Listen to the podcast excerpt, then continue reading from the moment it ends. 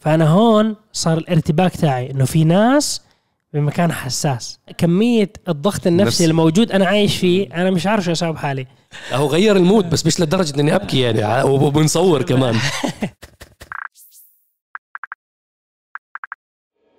السلام عليكم ورحمة الله. يا أهلا وسهلا بأفخم وأغلى متابعين ومستمعين بالعالم متابعين برنامج وحلقات دردشة. ودردشة 124 يا أهلا وسهلا بصهيب وكريم تحياتنا لكم. من بيت صهيب نحييكم. اليوم آه غيرنا ال setup. حياكم الله نورتوني. يا أهلا وسهلا. وجايين. شايفين نايم يعني أنا لأنه والله عن جد قبل شوي صحيت راجع من بورش جايين facelift وحركات. يا أخي قبل كل شيء يا أخي أنت ليش ما أعطيت أي reaction وقت الحادث؟ يا أخي ليش ما لفيت يمين؟ ليش ما لفيت ي... ليش يا أخي أنت ما بتعرف تسوق يا أخي؟ رد على هاي التعليقات يا أخي. اليوم بنرد لك أبشر ولا اليوم إن تزعل. شاء الله رح نحكي بالموضوع تبع ال- نحكي في الموضوع. أول شيء أول شيء أول شيء. الحمد لله على سلامتك. أول شيء الله الحمد لله على. السلامة هذا الشيء قديم. نحن عارفين فيه بس أو يعني عم نحكي فيه حاليا بعد ما تم نشر الحلقة. هذا. هذا الإشي صار بتاريخ 18 11 2022 بالتحديد. ستة أشهر تقريبا لا سبعة أشهر. ست, ست شهور تقريبا. أكثر من ست شهور. يعني الموضوع قديم. في كثير ناس فكروا إنه لما نزلت أول فيديو على الإنستغرام إنه فكروا امبارح الحمد لله على السلامه أنت رايح زيارة سرية على العراق؟ ما قلت لنا. قلت لهم لا هذا الفيديو قديم يعني مو جديد الموضوع. الحمد لله رب العالمين عدت على خير.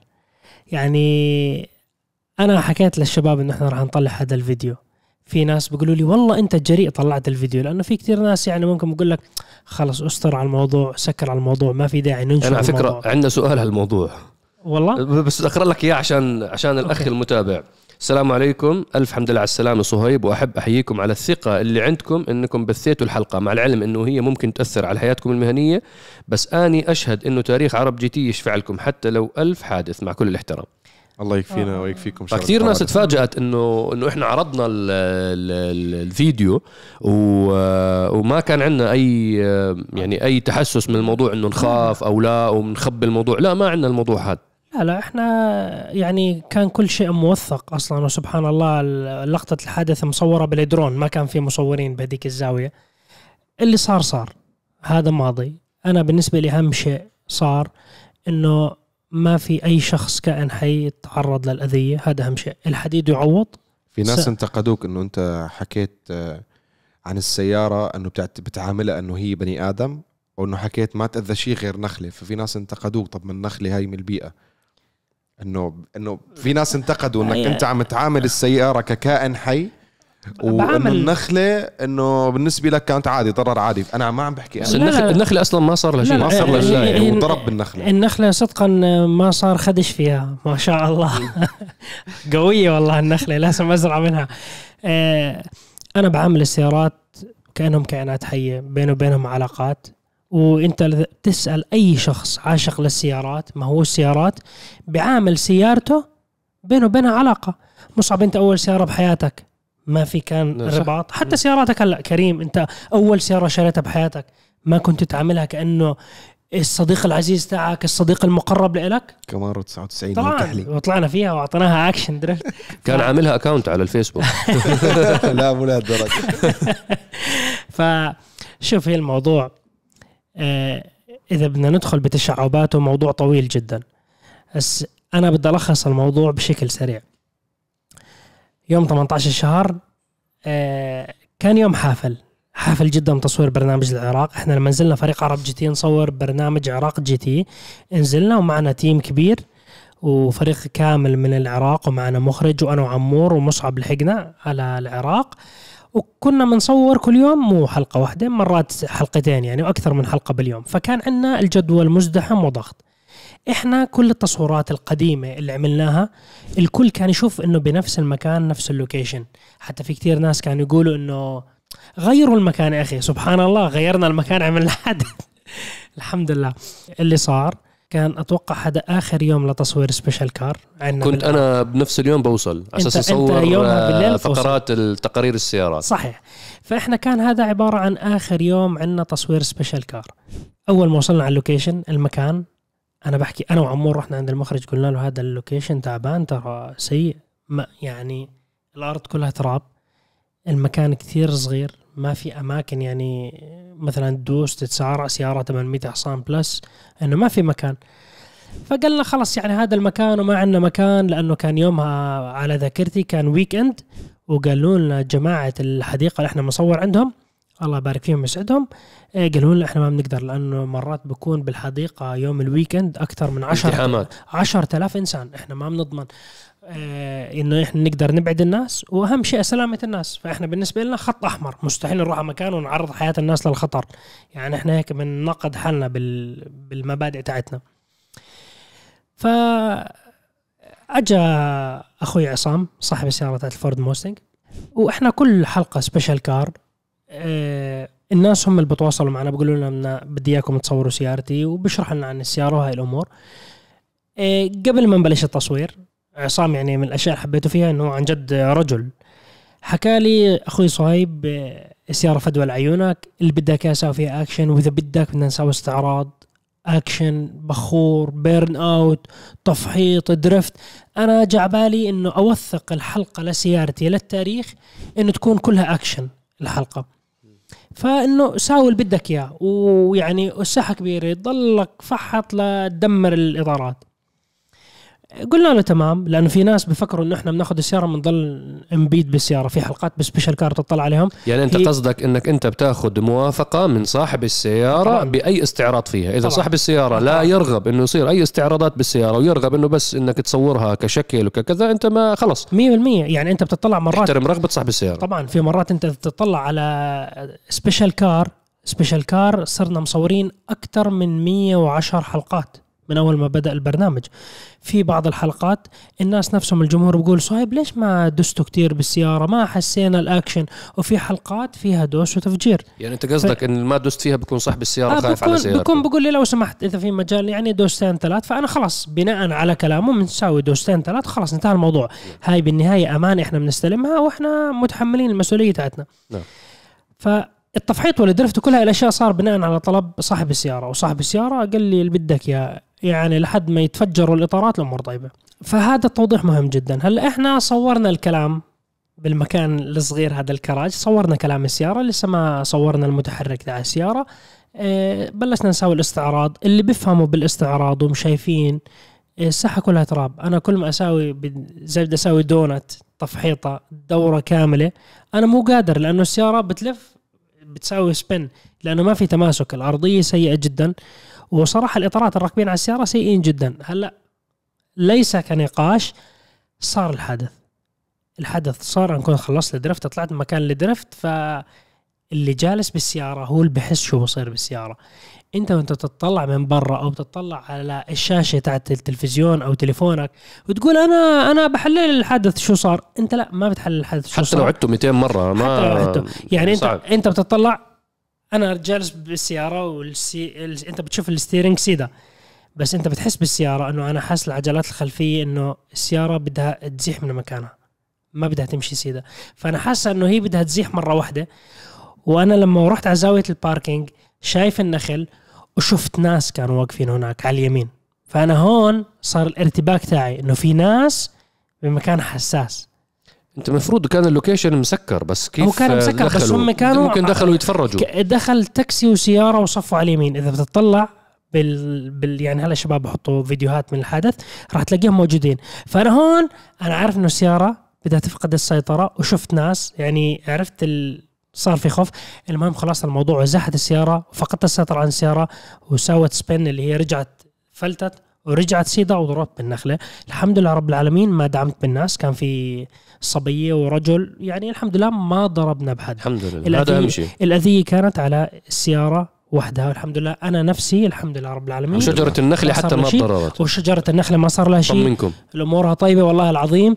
يعني صح أنه نزل شوية رطب أول ما ضربت السيارة كل هاي الأصوات رطب رطب رطب اللي رطب أول ما دعمت أول ما اللي دعمت هذا الصوت اللي زي الشتاء هذا كله رطب بينزلوا نزلوا من النخلة والنخلة ما شاء الله بغداد هلا طويلة. سؤالي سؤالي لك أنا صهيب آه، في ناس تفاجأت من كمية الهدوء ال- يعني كان واضح على وجهك إنه في كمية هدوء.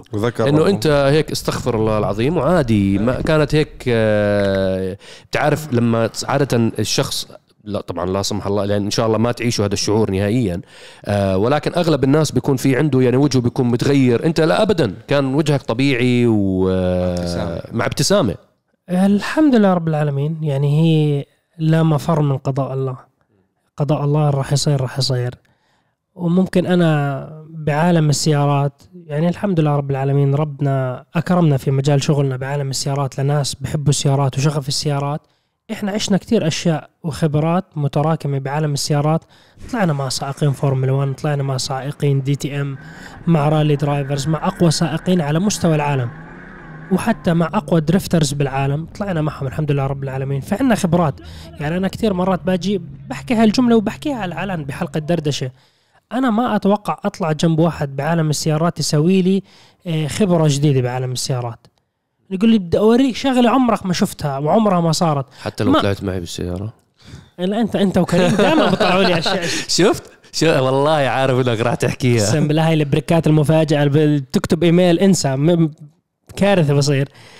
كنت مركب هم كبسوا بريك. طب وأنت شو بتساوي قاعد؟ أشوف قدامك. بتضل بتضلوا تنقزوا فيي أنت ملك الليت بريك. أنا متعود على ال late brake عشان أدخل كيف بت- اسرع بتضلوا تزعلوني منكم بال late brake تاعكم. الله يحميكم أنتم ويحميني معكم.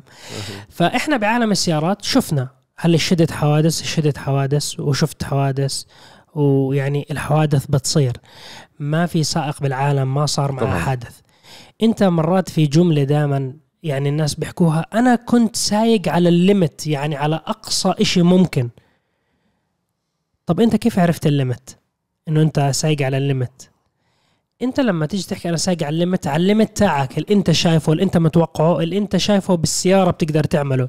ولكن ممكن واحد يوصل ل limit أعلى من ال limit اللي انت بتسوق عليه. كم limit بالجملة؟ تربح. جائزة. فخلاصة الموضوع انت لما تكون سايق على أقصى أداء ممكن ممكن في لسه أداء أعلى من هيك. بس انت هذا اللي انت بتتوقعه ممكن السيارة تسويه. ما بدنا نطول بالموضوع. الحادث صار. الحمد لله على كل حال. السياره آه، شو صار فيها؟ والأخ عصام عصام اسمه صح؟ عصام. عصام شو الترتيب عصام مع G عصام؟ T عصام GT صاحب السيارة. أخ... كس- كسبنا أخ وصديق عزيز. آه الكل زعل. أنا أول واحد زعلان. أنا متضايق. أصلا طلع علي بالحلقة يعني أنا نفسي بطلع على الحلقة. أنا بحياتي بتاريخ عرب GT مو طالع بهذا الشكل. أنا متضايق من جوا. أنا مصور بعرب GT أكثر من ألف حلقة لوحدي. فأنا زعلان. أنا زعلان. أنا متضايق. هو الرجال يعني قال من أول ما صار الحادث أول ما أجى سلم علي قال لي الحمد لله على السلامه صهيب فدوى لك حبيبي. ترى في عصام وفي صديقين له العزيزين في ناس بخربطوا بينهم حتى بفيديو اليوتيوب أنا بقرا التعليقات. عصام اللي كان ماسك اللابتوب هذا هو عصام صاحب السيارة. الشباب الثانيين والنعم فيهم هدول اصحاب عصام. عصام قال لي أنا من, من أول ما أجيتك قلت لك فدوى لك حبيبي صهيب السيارة وهذا كلام رجال. يعني أنت لو بدك ما تساوي شيء الأمور طيبة. إحنا أنا قد كلمتي أنا رجال أعطيتك كلمتي. أنا بحب هذا ال- الرجال ال- عن جد لما تعطي كلمة مش مجاملات. على حسابك. أه والله موبايل حلو. على حسابك. أه هاته لا يا رجال بمزح معك. إنه طول عرفت كيف؟ هذا رجال عقد كلامه.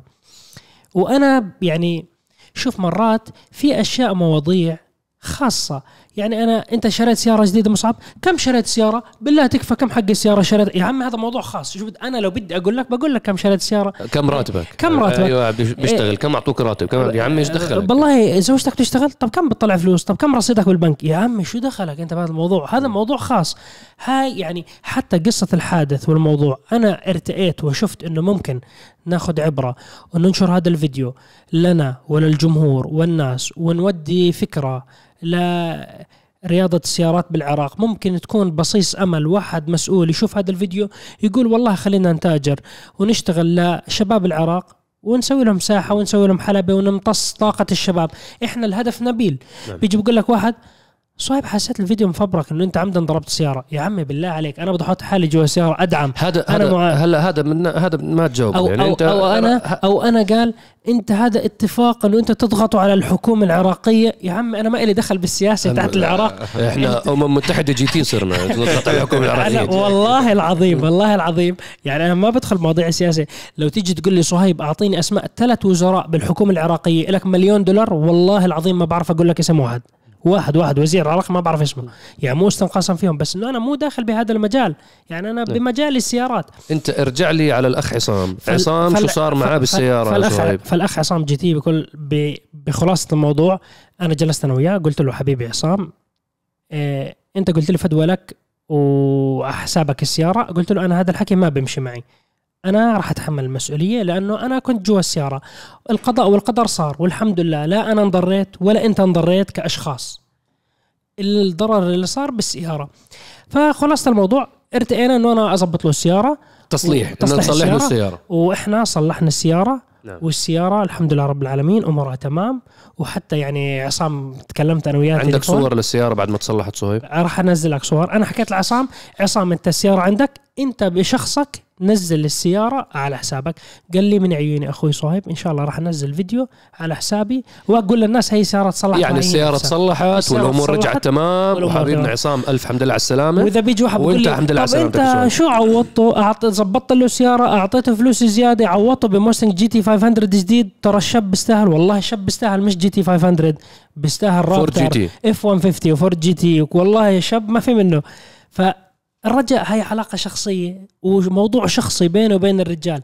الموضوع انتهى والحمد لله رب العالمين. انتهى؟ عصام نفسه شخصيا أصحابه وأهله وحبايبه بيعرف إنه هو راضي ومرتاح ومبسوط وأخذ اللي هو بده إياه واللي هو طلبه. الحمد لله. هي خلاصة وسيارته رجعت له مصلحة والأمور كلها تمام. الحمد لله رب العالمين. الحمد لله. ألف حمد لله على سلامتك. الله يسلمك. آه شكرا لكل الشباب اللي هنوا صهيب بالسلامة. كل شكراً شكرا. لكل الشباب. والمتابعين اللي كلمونا تواصلوا معنا على الواتساب الاصدقاء الحبايب. شكرا شكرا شكرا. يعني آه بحجم شجرة الن- النخل اللي بالعراق كله. آه شكرا لكم. تعرف إنه أنا بس خلصت الحدث إنه أنا صورت كمان حلقة special car بنفس المكان.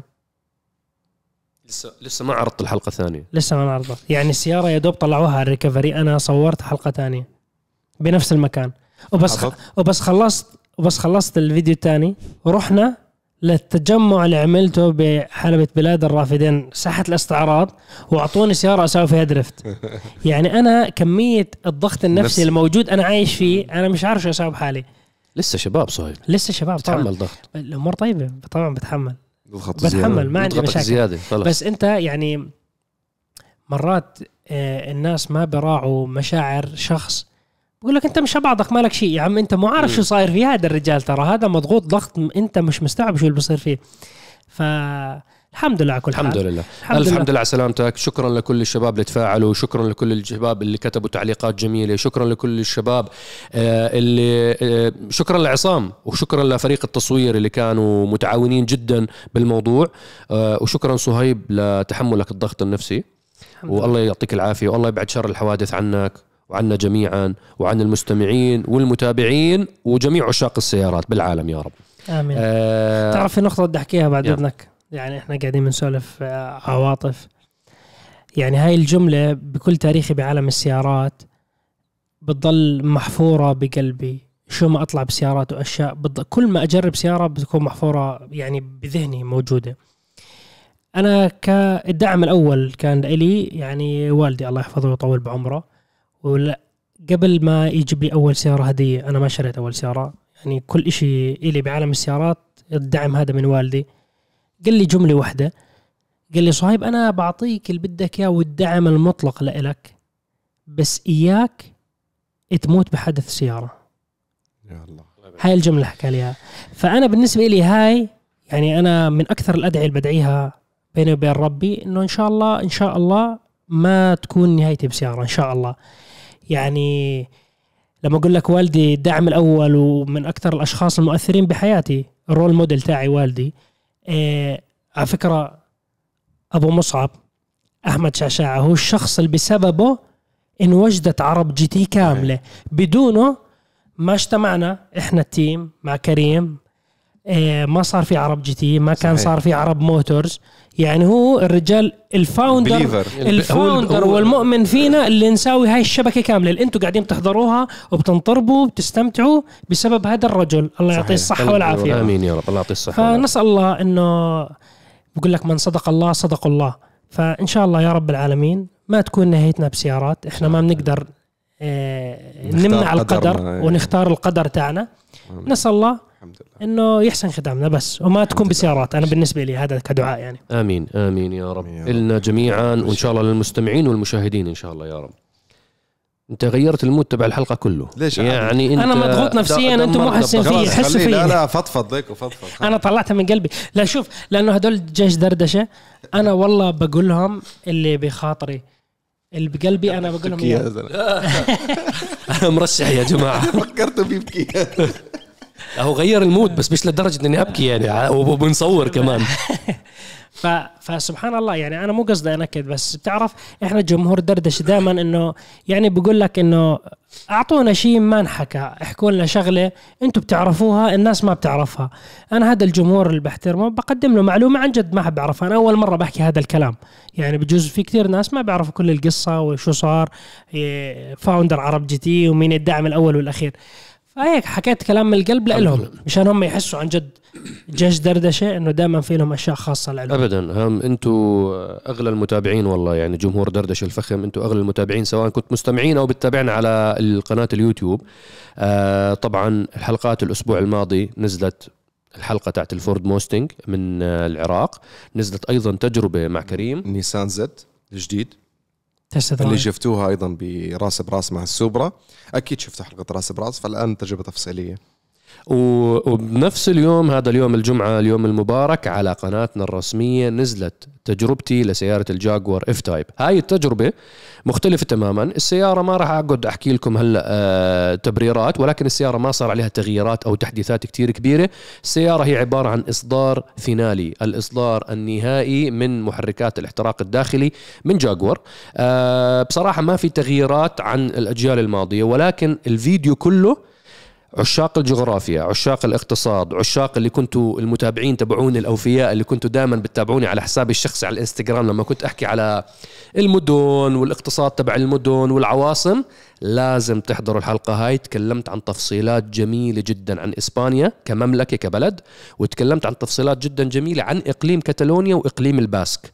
هدول الإقليمين إقليم كتالونيا معروف من وراء برشلونة ولكن ولكن إقليم الباسك جزء كتير كبير من المتابعين العرب ما بيعرفوا عنه إشي. رح تتفاجئوا بالمعلومات ال- اللي تكلمت عنها بالفيديو. رابط الفيديو وين؟ على قناتنا الرسمية تاعت عرب جي تي.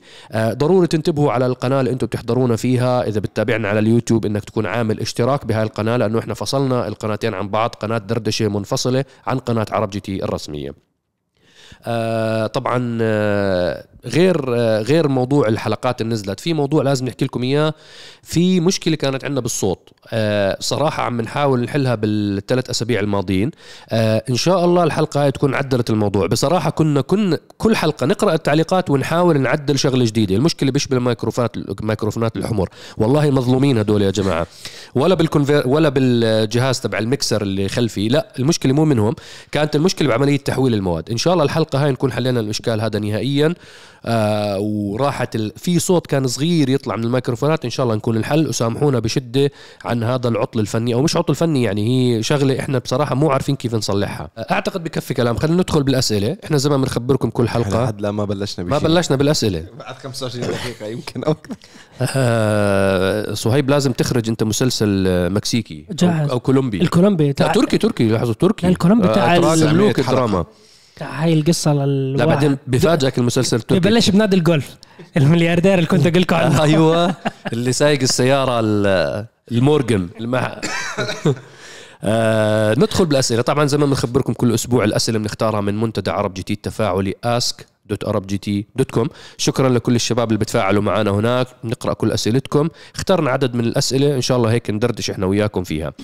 آه طبعا في سؤال إحنا سألت لك إياه عن موضوع الحادث. في سؤال تاني بيحكي لنا بعد فشل الفئة السادسة من بي إم دبليو في المبيعات كيف يكون من المتوقع نجاح الفئة الثامنة التي لم تدخل بشيء جديد أو ثوري بعكس جيلها الأول بالتسعينات؟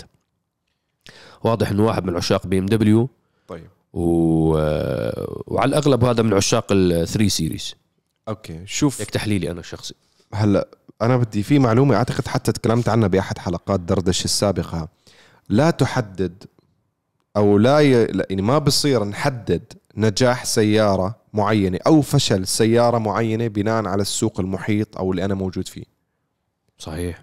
مبيعات السيارات ونجاحها يعني بيكون نسبته أو مرجعه للمبيعات العالمية. فإذا كان في المنطقة اللي أنت فيها أو في الدولة اللي أنت فيها أنا ما بعرف السائل من وين مو منتشر الفئة السادسة. هذا الشيء لا يعني إنه السيارة فشلت. السيارة الفئة السادسة نجحت والناس حبتها عالميا وانتشرت وشفناها بأفلام شفناها بفيديو كليبس. السيارة من أول ما طلعت بجيلها الم 2006 2006 طلعت؟ لا بعد بعد. ال... سبعة ولا ستة الفئة السادسة؟ والله من أنا أنا مش عارف بصراحة. أنا كان عندي واحدة موديل 2008 650 ممكن بيضة. هي 2006 المهم. المهم. المهم أول ما طلعت السيارة كان تصميمها جميل الشباب أتوقع حبوها. ما والله ناسي بالضبط صراحة. عادي خانتنا الذاكرة شوي. فالفكرة أنه السيارة حققت نجاحات كثير كبيرة شركات تعديل كثير عملتها تعديلات آه، سواء كانت ميكانيكية أو حتى شكلية. والسيارات إلى الآن شكلها جميل. يعني إلى الآن تشوف سيارة 2007 2008 شكلها جميل. نعم. ال6 series وحتى الجيل اللي بعدها لو طلعوا ال coupe طلعوا ال Gran Coupe اللي هي نسخة الأربعة أبواب وحققت نجاحات حلوة وجميلة ومحركات عديدة فالسيارة حققت نجاحات وبعد حتى تم توقيفها نعم. وتم استبدالها بال8 series بال8 series اللي هي إلى اسم قديم زمان. السوق زمان غير السوق الحالي. نعم. 8 series زمان غير 8 series الشكل الحالي. أيضا ال 8 series أنا إلى الآن بشوفها هي أجمل سيارة بأصول سيارات بي إم دبليو. ال M 8 M 8 كشف؟ Competition سيارة جميلة أو حتى ال M 850 يعني مو ال M 8 آه سيارة جميلة جدا وأيضا عم تحقق نجاحات جميلة في العالم. تمام؟ آه إذا ما انتشرت في مكان معين نسبة لسعرها لأنه هي غالية السيارة. حتى نسخة الستة سلندر ال M 840 I think أنه تعتبر آه، غالية السيارة. عشان هيك ما بيكون مبيعاتها كبيرة مقارنة مثلا بالفئة الثالثة ولا الفئة الخامسة اللي هي تعتبر المبيعات الكثيرة لها شركة بي ام دبليو وحتى ال X 3 ولا ال X 5 أنا بدي أضيف على كلام آه، كريم بدي أضيف عليك كمان شغلة إنه هذه الفئة من السيارات سواء الفئة السادسة أو الفئة الثامنة هي فئة جاي بالنص جاي هيك بين ال 500 وجاي بين ال 700 فبطريقة ما هذه الفئة عادة بتكون أقل مبيعاتا. يعني أنت مرسيدس هلأ أعلنوا رسميا إيقاف ال CLS. صحيح. هاي الفئة كمان مرسيدس أبدعوا فيها وكانوا من السباقين أصلا بإطلاق النسخة هاي اللي هي سيدان coupe. كانت فئة غريبة ولكن صحيح. نجحت وحققت نجاحات كتير كبيرة.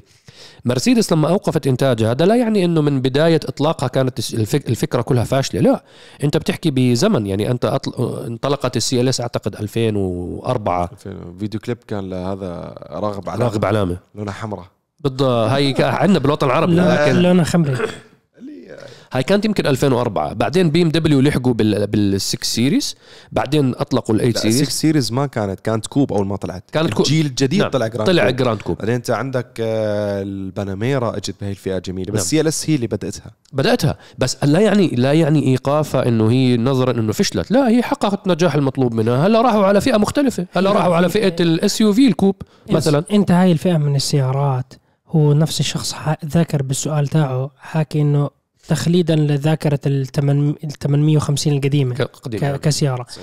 أنت لما تروح على تحلل هاي الفئة من السيارات ترى هاي الفئة من السيارات المنافسة شرسة جدا فيها احتدام قوي جدا بين المصنعين. يعني أنت بهاي الفئة بتشتري تيجي بتقول له أو تشتري فراري تشتري بنتلي كونتيننتال عرفت كيف هاي الفئة؟ نعم. تشتري بورش باناميرا آه، يعني هاي الفئة مو سهلة صعبة والمنافسة قوية فيها.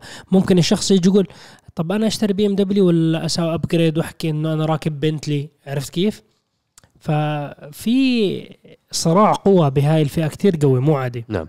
نعم. يعني بيكون عاشق للس... إحنا- لل- للعلامة التجارية بشكل كبير مشان يشتريها. نشتريها وأنا في كلمة حكاها كريم جوهرية اللي هي لا يعني إنك أنت ببلدك أو في مدينتك ما بتشوف السيارة هذا يعني إنه فشلت. كثير من السيارات بتت... أنا شخصيا بتفاجئ مثلا بتروح على على مثلا إيطاليا لما أشوف كمية السيارات الفيات اللي فيها بحكي أوه هذه فيات فوق الريح. سمارت سمارت لما تطلع على. أوروبا.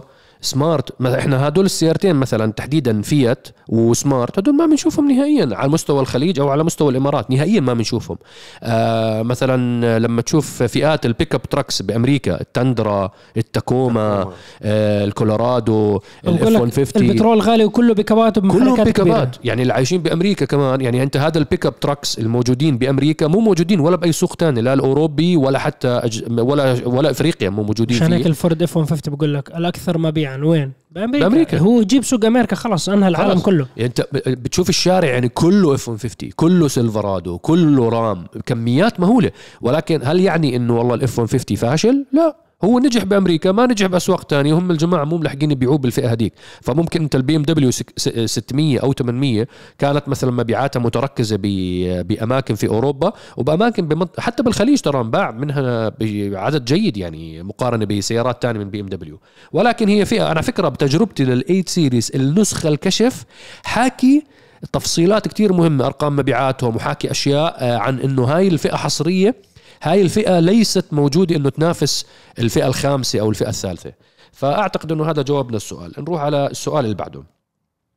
هل ممكن أن نرى عودة لل QX 70 إنفينيتي QX 70 آه ل crossover رياض بنسخة رياضية rear wheel drive من آه من نيسان حيث أن الطلب على هذه الفئة عالي كما أن المنصات والمحركات موجودة. انفينيتي QX 70 اللي هي كان اسمها ال FX سابقا واللي هي كانت من أجمل السيارات سابقة لعصرها. وعلى فكرة أعتقد تكلمنا عنها من كم حلقة. تكلمنا عنها من حلقتين. صح؟ إنه عن انفينيتي وقت حدا سألنا عن ال QX 8 مش deja vu لا حكينا عنها بكم قبل كم من إيه. حلقة و... إيه حكيت إنه ال QX 8 وحدا سألنا إنه ليش هي من شركة ثانية هي الباترول copy paste وحكينا عن توقع إنه صدور آه، طراز جديد كليا من ال QX 80 حتكون إنه أجمل وأحلى و و و. خصوصا مع اللبك اللي صارت بانفينيتي والتسميات وال آه لا تذكرت الحلقة اللي حكينا عن الموضوع. الفكرة يا جماعة الخير انفينيتي كانت سباقة بالتصاميم العصرية بزمن أول ما طلع ال FX اللي عم تشوفوه أمامكم اللي عم يحضرنا على اليوتيوب اللي عم يسمعنا أكيد عرفتوا السيارة اللي كانت تتشارك مع نيسان مورانو أيضا بالشاصي. آه والتركيز أو التوجه العالمي الآن على الاهتمام بسيارات ال SUV وال crossover بشكل أكبر. انفينيتي عم تطلق سيارات سيارة ولا سيارة ورا سيارة مع الهوية أو ال DNA الجديد اللي شفناه على QX 60 مثلا. آه هوية جميلة. حنشوف ال QX 80 قادم. نعم. QX 70 أنا أعتقد نعم قادم لأنه هاي الفئة محبوبة جدا وإنفينيتي الناس بتحبها عالميا. يمكن إنفينيتي في بعض الأسواق العربية مش منتشر بشكل بشكل كبير ولكن في أمريكا إنفينيتي مرغوب. ال QX 60 اللي هي نفس الباث فايندر هي يعني هي أكثر سيارة تبيع في أمريكا للصانع الياباني إنفينيتي. ومن السيارات أيضا اللي كانت جميلة جدا في أمريكا غير ال FX أيضا أو ال QX 70 أيضا هي منتشرة كثير بأمريكا ال G 35 أو G 37 هاي السيارات الرياضية اللي في منها كوبيه أيضا محبوبة جدا في أمريكا كانت. فأنا أعتقد نعم بس موضوع rear wheel drive لا ما أعتقد يعني أنا هذا اللي ما أعتقده. لا لا لا ما ما ما, مستحيل. ما نزلت السيارة أصلا ولا Yeah. مرة rear wheel drive ك QX 70 آه فحتنزل عادي نظام دفع رباعي all wheel drive نعم. آه بس هو سؤاله كمان إنه تكون نسخة رياضية. أز... آه okay فهمت عليك. مثلا هو قصده rear wheel drive إنه إصدار رياضي هلا هو ممتع أكثر الوقت طلعت ال Q 50 Eau Rouge اللي هي عليها ماكينة ال GTR وعلى فكرة ال QX 70 م. بموديلات 2015 16 طلع منها إصدار رياضي معدل كان سعره جدا غالي صراحة كم نسخة بالعالم بس آه، ولكن كانت 6 شو كان سلندر اسمه 8 هداك؟ سلندر عفوا كانت آه، ناسي اسمه طلع باللون الأبيض أول شيء. أصلا هم إذا بيساووا هندسة من ناحية هندسية إذا بيسووها دفع خلفي راح يصير في مشكلة. السيارة ما هي- بتمشي. هاي السيارة معرضة تضرب حادث بسهولة وتكنسلها. بالعكس أصلا هم يستخدموا ال safety wise ما القوي. بيقدروا لازم أحط دفع رباعي مشان يساوي الأداء تحت بتصير بتهج زي الموستنج تصير بتهج. يعني كله وارد. كله وارد. لا بس هي عفوا كمل. تفضل. لا لا عادي لا لا لا, لا. فاصدار رياضي يجب على إنفينيتي لأنه هي بتقدر يعني التصميم عندها جميل. أنا أنا اعتقد وهندسة نيسان قوية بالمحركات الرياضية. نج- أثبتت نجاحها بال GTR. فوقت تطلع أنت هذا الإصدار ال QX 70 بتصميمه الجميل. نعم. سعره المنافس الألمان. أه تضيف عليه قوة رياضية بطرازات تنافس فيها ال AMG ولا ال M Power ولا ال RS ف للجمال التصميم والاسم اللي انت اللي أنت عندك يا آه، محبوب من زمان وانت طلعت هذا التصميم الجميل من 2006 و2007 و2005 فالناس يعني حتحب سيارتك. ف وحتكون إذا طلع تصميم بس ما اعتقد تكون محركات ضخمة حتكون hybrid نعم. لكن لا، hybrid أنا- محركات قوية بهالطريقة يعني. أنا بأيد كلامك وأنا أعتقد إنه انفينيتي خلال السنوات الجاي مش انفينيتي بس أغلب صناع السيارات ال- العمالقة الكبار رح يطلعوا إصدارات رياضية من سياراتهم. يعني انت شفتوا تويوتا الشركة المحافظة جدا كثير مركزه على موضوع ال GR Sport ومركزين على الإصدارات الرياضية. لأنه بطلع لهم فلوس أكثر. بالضبط نيسان مركبين على موضوع مركزين كتير على موضوع ال Nismo وأعتقد أنا إنفينيتي راح يلحقوا بالموضوع ولكن راح يكون له اسم غير عن كلمة Nismo Nismo كتير راح تكون آه، نز- Nismo راح تكون كتير آه، مرتبطة نيسان. بنيسان فبالإنفينيتي راح يطلعوا إصدار أو نسخة تكون آه، خاصة. بشركة إنفينيتي Red Sport Red. Sport Red Sport هي موجودة كانت عندهم. يعني هم سبحان الله اليابانيين بلشوا بالإصدارات هاي وكانوا مركزين عليها. بعدين هيك آه، ما يعني حسوا إنه لا ما في داعي ندخل بالموضوع. كانت مبيعات والله حلوة. قوية Red Sport ال Q 6 اللي بيعملوها. يعني حتى لو محرك 6 سلندر ما يعتبر إصدار خارق خارق. ولكن ال Q 6 Red Sport هي مشكلة قوية. بتعرف شو؟ آه، Red Sport انت حكيتها كانت مشكلتها سعرها كتير غالي. والمشكلة عند اليابانيين بالإصدارات الرياضية إنه الإصدار الرياضي لا يختلف جذريا عن الإصدار العادي. هذه كمان غلطة. يعني مثلا أنت تعال تفرج على سيارة من سيارات مثلا AMG أو اودي RS إذا بتشوف مثلا ال A 6 مختلفة تماما عن ال RS 6 ما لها علاقة. حتى لما تشوف السيارتين ماشيين أو واقفين جنب بعض ما لها علاقة. بالإنفينيتي وباللكزس وبالياباني بشكل عام عادة ما بيهتموا بتفصيلات معينة. بتطلع بالسيارة من جوا هي نفس السيارة. حاطين بس هيك stitching بسيط إنه هاي التابلو بدل sport. 260 280 بس. يعني هاي هذه هذه بطلت تعدي على الزبائن. لازم اهتمام أكثر بتفصيلات ولازم عن جد فرق القوة يعني في- في إشي ميكانيكي يكون يؤدي إنه السعر يرتفع. غير هيك يعني مثلا آه، يعني مثلا أنا بتذكر زمان كنا نحكي بالموضوع لما عملوا ال Nismo على الباترول. حكينا وحكينا حلقة دردش عنها. تخيل لو حكيت حكينا للناس. حكيها بالحلقة. صار الناس يضحكوا علي. الساعة 6 الصبح لما قلت إنه باترول الناس ممكن تتمنى لو حطوا عليه ماكينة GTR. بالضبط. لو ألمان كان عملوها. والله لا يبيعوا بيع. شو- اختلف. تعرف هيك بتختلف تماما. جلست مع مهندسين نيسان. قالوا لي تعرف قديش سعر التكاليف راح يصير؟ قلت له راح يزيد كتير بس اللي بده يشتري السيارة بيشتريها بهاي التكاليف الكتيرة. ليش؟ لأنه أنت لما تروح تسجل السيارة السيارة عليها تيربوهات كل الناس اللي بعدلوا سيارات لما تكون حاط ماكينة GTR على باترول بكل سهولة راح يوصل ألف حصان. بكل سهولة. وشكلها سيارة عائلية بريئة. فكل عشاق السيارات ومدمنين السرعة والأكشن راح يشتروا باترول. ما بتتحول. ما يعني الباترول العادي ما بتحول. ما بتتسجل ما بت- لأنه بتروح على الفحص بترسب لأنه كيف GTR على باترول تو... يعني ما بتضبطش. فقلت لهم اللي بيشتري هذا الإصدار الخاص بدفع فلوس مقابله عادي ما عنده مشاكل. زي اللي بتيجي تقول أو والله اشتري أي إصدار من ال SUVs تاعون AMG أو M Power قديش تدفع فرق مقارنة مع النسخة العادية؟ ال X 5 X 5 M و X 6 M Competition كم الفرق بينهم بين النسخة الإبتدائية من الاكس 5 أو الاكس 6 كم الفرق بالسعر؟ 40 مرعب. ألف دولار و... أكتر مرات. و50 ألف دولار أكثر مرات. آه على ال performance كمان بتطلع أكثر. وهي بس هاي المدرسة مدرسة ألمانية. هم اللي, استطاعوا إنه يعملوا trims ويعملوا يفرقوا بين الفئات تاعت السيارات والزبون يحترم. يعني ما يحس إنه أنا انضحك علي. هذه الألمان هم الوحيدين اللي عملوها. الأمريكان عندهم trims ولكن مش بالطريقة اللي عملوها الألمان. يعني حتى السعر كان بإمكانه يرفع السعر على ال trims الحصرية بطريقة مختلفة. لا الأمريكان عندهم اياها بس على السيارات الرياضية العادية. بتيجي بتطلع فورد موستنج 4 سلندر لغوا 6 سلندر 8 cylinder GT 500 350 يعني بعطيك مليون trim بس هو الفكرة إنه بس هم بيسووا هاي السيارات الرياضية عدد قليل. الألمان طلع عليهم كل الأسطول من أوله لآخره بس, في بس جيب جي سووه بال SRT أجي ما هو بعض 2009 بعض من 2010. السيارات. لأنه هو اجى قال لك ما عندنا chassis وعندنا كل شيء ومسوين ال engine ومسوين ال gear. خلاص حطهم عليه إلا ما يضبط. وهو ضابط محرك جبار. بعدين الحمد لله رب العالمين قتلوهم. يعني, يعني شو استفدنا؟ يعني العشاق السيارات. حطيت محرك ال Hellcat على الجيب وحطيته على ال TRX على الرام. طيب بعدين انت بعد بكم سنة من ما عملت هذا ال project والإنجاز العظيم يا أخوان قررنا نصير كهرباء. الغي لي هذه المحركات والغي ال projects. إحنا كعشاق سيارات شو نسوي شو نسوي راحوا اختفوا السيارات. صح. آه عندنا كمان سؤال السؤال الأخير لحلقة اليوم. السلام عليكم. شو الفرق بين المحرك الخلفي والوسطي والخلفي العادي؟ هذا اللي سائل من حلقة رأس براس ال ال STO وال ال STO GT 4 RS. RS وحتى أنا انسألت رسميا هذا الشيء. تحب تجاوب؟ آه، هو مكان ال engine وين آه. موجود؟ لما يجي يقول لك والله المحرك موجود بالأمام. يعني إذا أنت بتفتح غطاء المحرك بالأمام راح تلاقي المحرك يعني ممكن عند العجلات الأمامية. قبلهم شوي بعدهم بشوي من المكان تاعه. إيه لما يجي يقول لك المحرك بالخلف زي إصدارات البورش 911 المحرك بيكون موجود بالخلف مش بالوسط. المحور. يعني هو كان موجود بالماضي عند العجلات الخلفية. هناك ساو بورش صاروا يدخلوه شوي لجوا شوي لجوا مشان يحسن بالانس السيارة. لما تيجي تح- تحكي محرك وسطي أمامي. يعني أنت بتفتح غطاء المحرك بالأمام بتلاقي المحرك بس المحرك راجع كتير لورا بتحسه قاعد عند التابلو.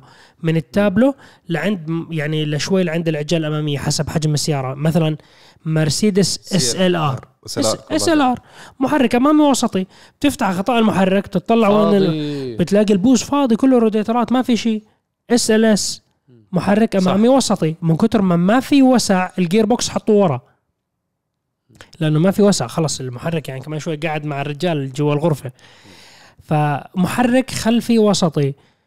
انت بتيجي بتحكي على عدد كبير من ال supercars مثل فراريات أو دي ار اي آه، بورش Cayman GT 4 RS. محركها وسطي بالخلف وليس ورا- خلفي ال G T 4 RS ورا دانك ورا. دانك عن جد هون هون هون هون. شو شو بعطيك ميزة هلا إحنا كلياتنا بنعرف إنه أنت لما تساوي توزيع بوزن السيارة أنت بتستفيد من أداء هاي السيارة على المنعطفات سواء كان يمين يسار سرعة أداء ثبات braking كل هاي الأمور بكون أفضل. لما يكون وزن السي... ال- وزن الميكانيكي كبير مو قليل يعني من أكبر القطع الموجودة بالسيارة كوزن نعم. المحرك. المحرك. إيه لما تيجي تحكي والله ال 911 إيه محركها خلفي وبدك تساوي استعراضات drift فالموضوع بده سائق متمرس مشان يستوعب كيف تصرفات السيارة راح تكون لأنه مو إنه واحد متعود على سيارات عادية م. تعطيه back engine تقول له أعطينا drift على الدوار بيجيب بعيد أول ما يدوس بتلاقيها لفت بالعكس السيارة لأنه توزيع الوزن تاعها غير نعم. فهاي المواضيع يعني كثير لها دخل بال engineering وكل ما كان يعني سواء كان محرك وسطي بالأمام أو بالخلف بيكون في كمية الأبداع يعني أحسن ك engineering نعم. مش بقول لك إنه إذا موجود بالخلف أو بالأمام إنه سيء لا. بس هي حسب الحاجة. مش معقول أنت تساوي محرك أمامي وسطي بتويوتا كورولا يعني شو الغاية والهدف منه؟ يعني هاي السيارة مو مصنوعة إنه أنت سيارة أداء وحلبات ومنعطفات تدخل كورنر على 160 بعدين لاحظوا بحلقات آه، معينة مثلا بحكي لكم مثلا الفرق بين هاي النسخة والثانية تم تنزيل المحرك بمقدار آه، 10 ملي أو 7 ملي حتصفن انت انه شو نص سنتي يعني. انت ما بتشوفها بعينك أصلا. بفرق. هاي تفرق في موضوع البالانس أو توزيع الوزن لتوصل لل هاي عادة بتكون فقط بالسيارات الخارقة أو الرياضية عشان يحسنوا. بحكي لك الفرق بين مثلا هاي السيارة وال facelift بتكون. facelift بتيجي بتسأل واحد بحكي لك يا رجال خذ القبل أحسن. لا ما هم ليش سووا facelift حسنوا السيارة عدلوا عليها. مو بس والله light ولا exhaust ولا كذا لا. بحكي لكم نزلوا المحرك 4 ملي 5 ملي ليش هذا الشيء شافوا انه هو أفضل للسيارة في ال balance فالأداء بالتالي بيكون أفضل فهي بس حتى. حتى على ال SUV على فكرة أنت لما تتخيل تخيل SUV عالي تخيل مرسيدس G-Class إنه رفعوه زيادة لفوق ال G 4 by 4 squared أنت كل ما ترفع ال G-Class لفوق لما تيجي تسوق off-roading راح تخاف تحكي إيه راح نقلب راح نقلب ليش؟ لأنه كل ال center of gravity.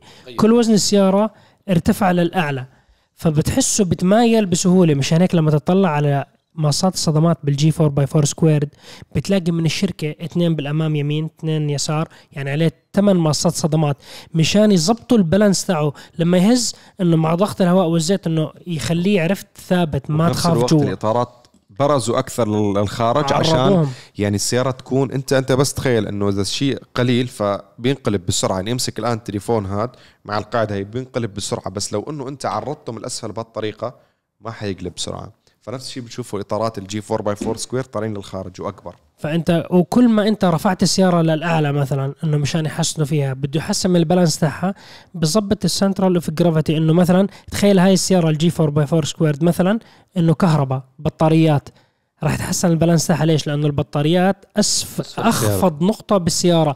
فبصير ال center of gravity ما بتهز بسهولة لأنه الوزن يعني أنت بتشجع السيارات الكهرباء عشان توزيعة الوزن أفضل. سيارات الكهرباء لما أجوا بهذا المنظور إيه، سووا نقلة نوعية من ناحية توزيع الوزن داخل السيارة والبالانس تاعها على المنعطفات. فالناس انصدموا بالذات اللي بيشوف السيارات بمنظور رياضي. انه بقول لك أنا بدخل المنعطف طاير بس السيارة فيها ثبات مو طبيعي. شو اللي بصير؟ لأنه توزيع الوزن مدروس بعناية. إنه أنت من عند التابلو لعند الصندوق بالخلف بطاريات كله موزعة مشان يثبتوا السيارة بالأسفل. فهذا الشيء أعطاها balance. ممتاز. على هذا الذكر الأسبوع الماضي كنت ب كنت بحلبة موناكو مع شركة نيسان ونزلنا على الحلبة. بنيسان Ariya اللي هي السيارة الكهربائية ال crossover اللي عم تطلقها نيسان. على نفس الموضوع اللي بحكيه صهيب على موضوع توزيع الوزن كان معي سائق احترافي من حلبة سيلفرستون بريطاني. طبعا هو زي GT Academy فهو متعود على سواقة السيارة مفروض. أنا هيك فكرت. لما نزلنا على الحلبة وعلى ال track تفاجأت إنه هو تفاجأ من اللفات. فهو الرجال ناسي حاله فكر حاله معه GTR داخل بقوة هيك لف لفت. تعرف الكهرباء إنه لما تعمل هيك بتلف عادي على طول بتلف معك لأنه أنت محرك أمامي كهرباء محرك خلفي كهرباء وتوزيع وزن صحيح 100% فحسيت قلت له فأنا أنا عم بصور بال بالموبايل فلاحظت حتى بالموبايل لاحظت على طول إنه هو تفاجأ تلا- التخم إنه لفت بسرعة. بتعرف موناكو في اللف اللي بتنزل وبتنزل عند التنل هاي القوية. فهناك هو حكى خليني أقوي قلبي أكثر وأشد. الكهرباء صدقا اللي متعود على سيارات البترول آه، صعب تفهم آه، يعني دماغك. صعب إنه يتبرمج بسرعة على استجابتها. مختلفة تماما على اللفات. ف... فخلصنا اللفة. بحكي له تفاجأت. صح بحكي لي إنه ما أعطوني فرصة إني أجرب السيارة على حلبة قبل ما أطلعكم. إنه كتير كان الوقت ضيق. إنه ما في مجال اجربها حكيت له آه، هلا هلا عرفت الدرس. next round راح لما تدخل على الحلبة لفات خلص راح يكون أمورك تمام. فبس على الموضوع السيارات الكهرباء فعلا إنه قيادتها على الحلبات أو على المنعطفات أو على اللفات مختلف تماما عن السيارات العادية. حتى الموضوع تبعت الطاقة تبعتها كيف الانطلاقة وكيف آه، عملية آه، يعني أنت بالسيارات العادية الانطلاقة بدها شوية وقت. هذا موضوع الطاقة ال- ال- الفوريه حتى مو من صفر. أنت دخلت منعطف هديت السرعة بعدين حكيت. هلا بدي أدوس. فأنت ما في ديلي ما في تأخير ما في لاج إنه أنت فورا السيارة متجاوبة. فأنت مرات كثير من السائقين الاحترافيين لما يجي يقول لك إنه أنا بدي أرمي الوزن من اليمين لليسار أو يعني أرمي السيارة على وزنها. هذا الشيء إنه برمي على وزن بعدين بيجيب السيارة السيارة تتجاوب بسرعة. فهو يعني عرفت نفسه بنصدم بحكي واو شو هذا؟ شو هذا؟ مو موجود بالسيارات أنا- العادية. أنا برسم رسم بلعب آه، برقص بالسيارة. أه. يعني مستمتع وهو بسوق السيارة. نعم. نعم. آه ما بدنا نطول على الحبايب أكثر من هيك. آه انتظرونا إن شاء الله الأسبوع القادم عندنا عدد من الحلقات المميزة بإذن الله. لا يفوتكم تحضروا تجربتي لل Jaguar F-Type وتخبروني بخانة التعليقات رأيكم بهذا المحتوى. يعني أنا بصراحة في عدد من الأسئلة جتني على المنتدى بيحكوا لي على موضوع ال- السفر والسياحة ودمج المعلومات. فحبيت أعمل لكم شغلة يعني نذكركم بالأيام الخوالي. التجارب القديمة كنت دائما أحكي على الدول وعلى المدن وعلى العواصم وكذا.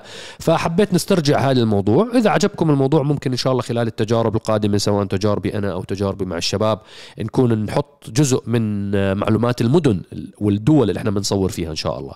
وترقبونا الفترة الجاية إن شاء الله حافل عندنا كثير من التجارب آه، إن شاء الله في عندنا سفر على السعودية قريبا إن شاء الله في عندنا سفر على عدة عدة دول من العالم آه، بأوروبا أو بأمريكا عندنا تجارب آه، دول تجارب لسيارات عالمية قادمة بقوة على الساحة إن شاء الله. إن شاء الله. إن شاء الله.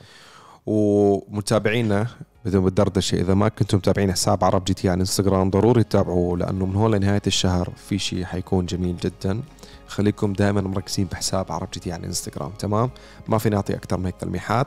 شكرا لمتابعتكم ونحن شعارنا الدائم للعالمية باسم العرب مع عرب جي تي السلام عليكم السلام عليكم. اشوفكم على خير. في أمان الله.